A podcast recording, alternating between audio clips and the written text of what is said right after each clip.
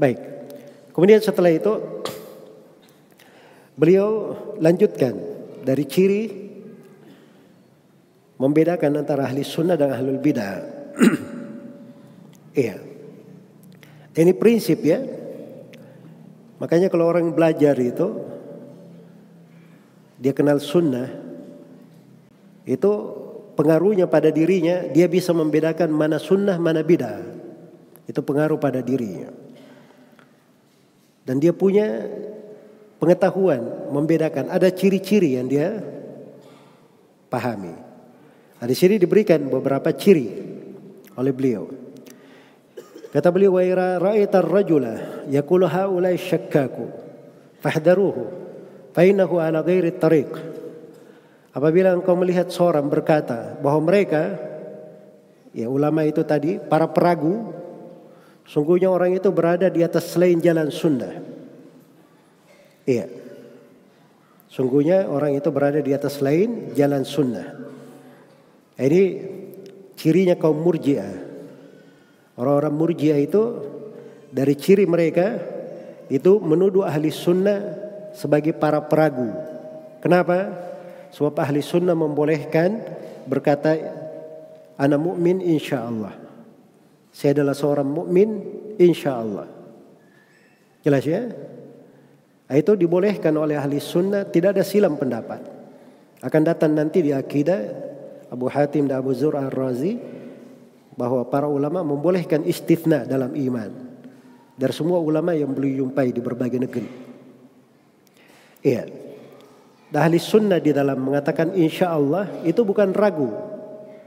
Bukan ragu. Tapi mereka mengatakan insya Allah di situ ada beberapa sebab. Di antara sebabnya keimanan itu banyak cabang-cabangnya. Banyak cabang-cabangnya.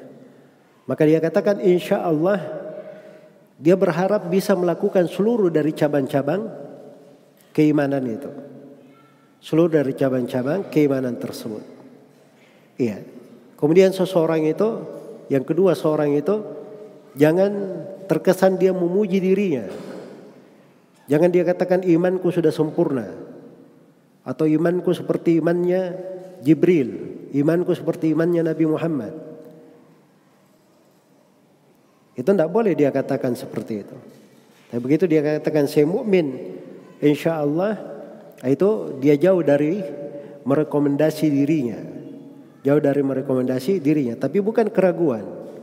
Karena seorang ahli sunnah itu tidak ada yang ragu di dalam keimanannya. Tapi orang murjia menganggap, oh ini para peragu. Makanya itu dahulu cirinya ahli sunnah boleh mengatakan anak mukmin insya Allah. Kalau dia tidak membolehkan, ah, itu murjia berarti. Itu kelompok murjia. Sebab orang murjia berkata, iman saya itu sama dengan iman Jibril. Iya, iman pelaku dosa itu sama dengan iman pelaku ketaatan. Itu ucapan kelompok murjiah. Tapi ahli sunnah tidak. Mereka mengatakan bahwa iman itu berjenjang. Bertingkat-tingkat. Iya. Dan seorang itu tidak memuji dirinya. Di atas apa namanya pokok-pokok tidak memuji dirinya bahwa imannya itu telah sempurna.